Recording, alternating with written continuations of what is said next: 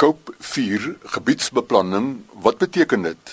Daarvoor klop ons vanoggend aan by die distriksbestuurder van Landcare in die Sentraal Karoo, Phyllis Spinaar, en ook twee boere van die Beaufort Wes omgewing, Christie Mokke, boer op Paardevlei, hy is voorsitter van die landbouvereniging en Losberg is die plaas van SW van der Merwe wat verantwoordelik is vir die opstel van die besigheidsplan. Ons verneem eers by Phyllis Spinaar. Dit is ons 4 gebied is hier net so 20 km begin ons hier buite um Beaufort Wes. Um dit is 'n groep boere wat my genader het oor die ongedierte probleem wat ons wat wat hulle het. Um en ons het begin met hierdie projek om hom dieselfde as na aanleiding van ons scope projek in Lensburg het hy uitgesprei in ons kamp 'n gebied af um om juist die ongediertes uit die gebied uit te hou. Um, ons noem dit die Cape 4 gebiedsbeplanning. Dit is 'n area van 56000 hektaar en binne in hierdie in hierdie groep is daar 38 boere wat betrokke is. Nou die area waar of die die lengte van die draad wat ons moet span is 140 km wat ons reg rondom gaan gaan en dan as ons klaar is met dit dan word daar binnekant drade ook blokke van gemaak.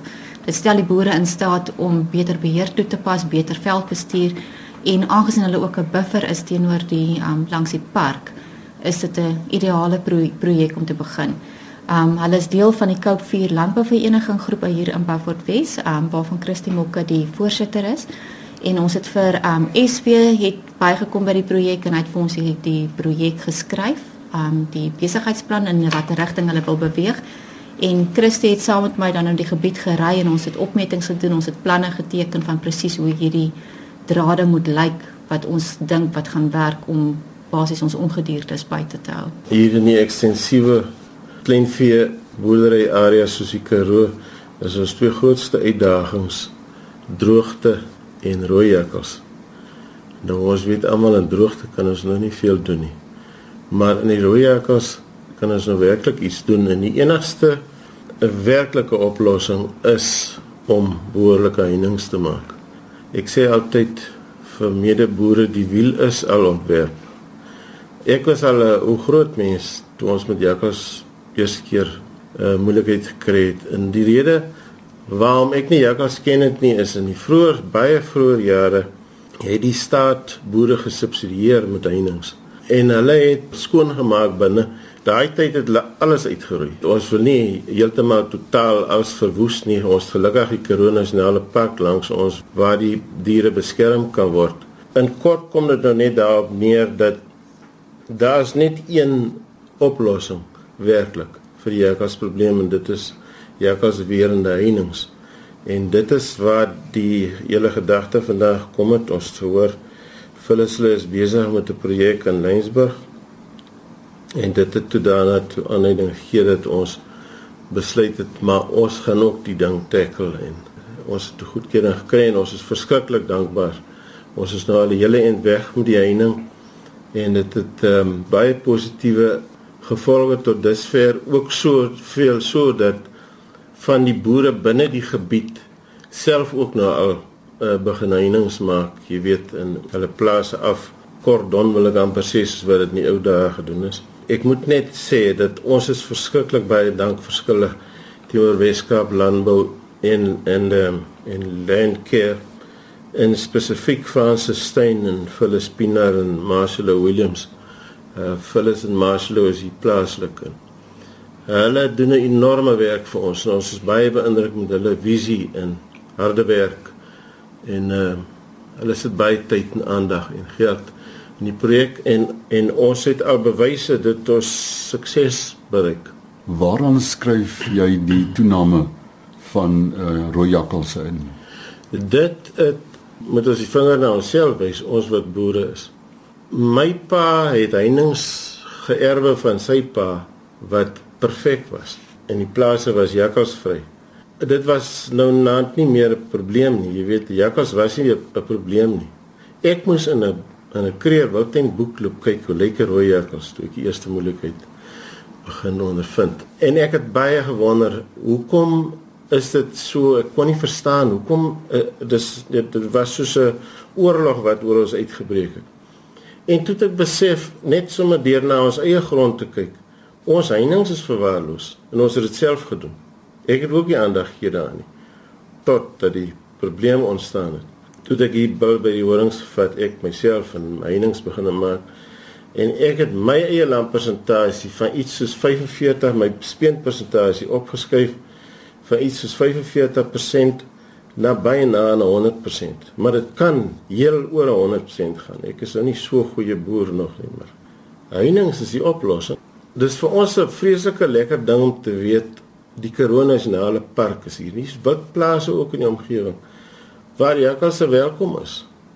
Solank elke ou se heining net dig is. Dan kan ons ordentlik produseer. Is weer met jou kundigheid en agtergrond kon 4 na jou toe kom. Hoe gaan ons die plan opstel?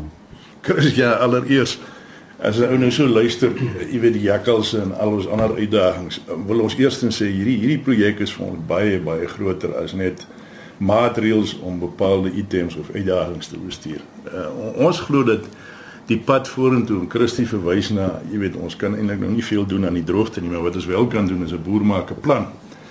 En ek dink ons plan in hierdie opsig lê by diversifisering van ons aksies, diversifisering van ons grondgebruike. En dis waar die sleutel lê. Nou ons glo hierdie hierdie draadprojek is vir ons 'n meganisme of katalisator om staat stel om ons ons hulpbronne 'n bietjie beter te gebruik. Jy weet ons sit met 'n klomp latente, kom ons noem dit kapitaal in ons gronde. Die omgewingskapitaal, uh, daar is maar min monetêre kapitaal, geld beskikbaar. Maar daar is omgewingskapitaal, daar is infrastruktuur, daar is menskapitaal ensovoorts. En hier kry ons nou 'n ingryping wat vir ons in staat stel om hierdie goed beter te ontsluit. Deur nommer 1, kom ons sê diversifisering. Ons kan skielik nou kyk na wild, ons kan kyk na ander tipe skaapboerdery, ons kan kyk na toerisme wat wild gebaseer is en omgewingsgebaseer is. En ek dink daai opsig Christie het verwys na ons ligging ten opsigte van die park. Ons is 'n ons is 'n bona fide of wetlike bufferzone van die park ingevolge die biodiversiteitswetgewing. Eh, dit bring natuurlik mee dat ons bepaalde voordele, as ek dit so kan stel, vir onsself kan toeëis of hoop om te kan toeëien. Ons vat byvoorbeeld die storie van uh, fracking. Wat is dit? Ehm um, uh, oh. hydrobreking en die Iran myne ensovoorts. Ons wil nie sê dit is reg of verkeerd op hierdie stadium.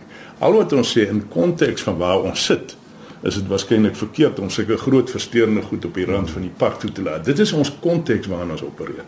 So die groot doel van ons van ons oefening is om te sê hoe kan ons diversifiseer? Hoe kan ons met hierdie draad ander uitdagings aanspreek as bloot die jakkalse? Hoe kan ons dan positief kyk na ons situasie?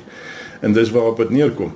Ons sê hier is 'n geleentheid en ons as groep het ons voorgenem om saam met hulle hulle model uit te werk wat ons kan nommer 1 sê ons werk volhoubaar beteken vir ons nommer 1 kyk na biodiversiteit kyk na die integriteit van ons omgewing. Integriteit in hierdie bepaalde verband verwys na die heelheid van die omgewing. Ja ook met die jakkals. Nou die mooi van ons stelsel is dat ons ons kon ons gebied eintlik zoneer ons berggedeelte is eintlik is eintlik bonafide natuurbewaringsgebiede jakkals en die rooi katte lewe daar eintlik vry ons bly gee tree terug ons kyk tweedens as die uh, hierdie volhoubaarheid storie kyk ons na ons mense. Dit is 'n program. Hierdie hele ding is daarop gemik om mense se se welstand 'n bietjie op te tel. Elke rand en sent wat ons kan spaar of ons kan deur innovering kan genereer, dis span ons in om ons mense op te beer. En ons doen dit en dis die kom ons sê die definisie van van ons eie definisie van volhoubaarheid. Ons doen dit deur ons hulpbronne meer doeltreffend te gebruik. Nommer 1 Dis regtig 'n vennootskap benadering. Vennootskap tussen die staat, die owerheid, spesifiek dan nou landcare en ek moet met Christie saamstem. Jy weet ons is so geneig in die tye wat ons nou lewe. Jy kyk na die staat en dan sê jy, ag, jy weet, so wat. Hier is 'n tasbare ondersteuning, 'n intervensie. Ons nasionale ontwikkelingsplan verwys na hierdie groot intervensies wat nodig is.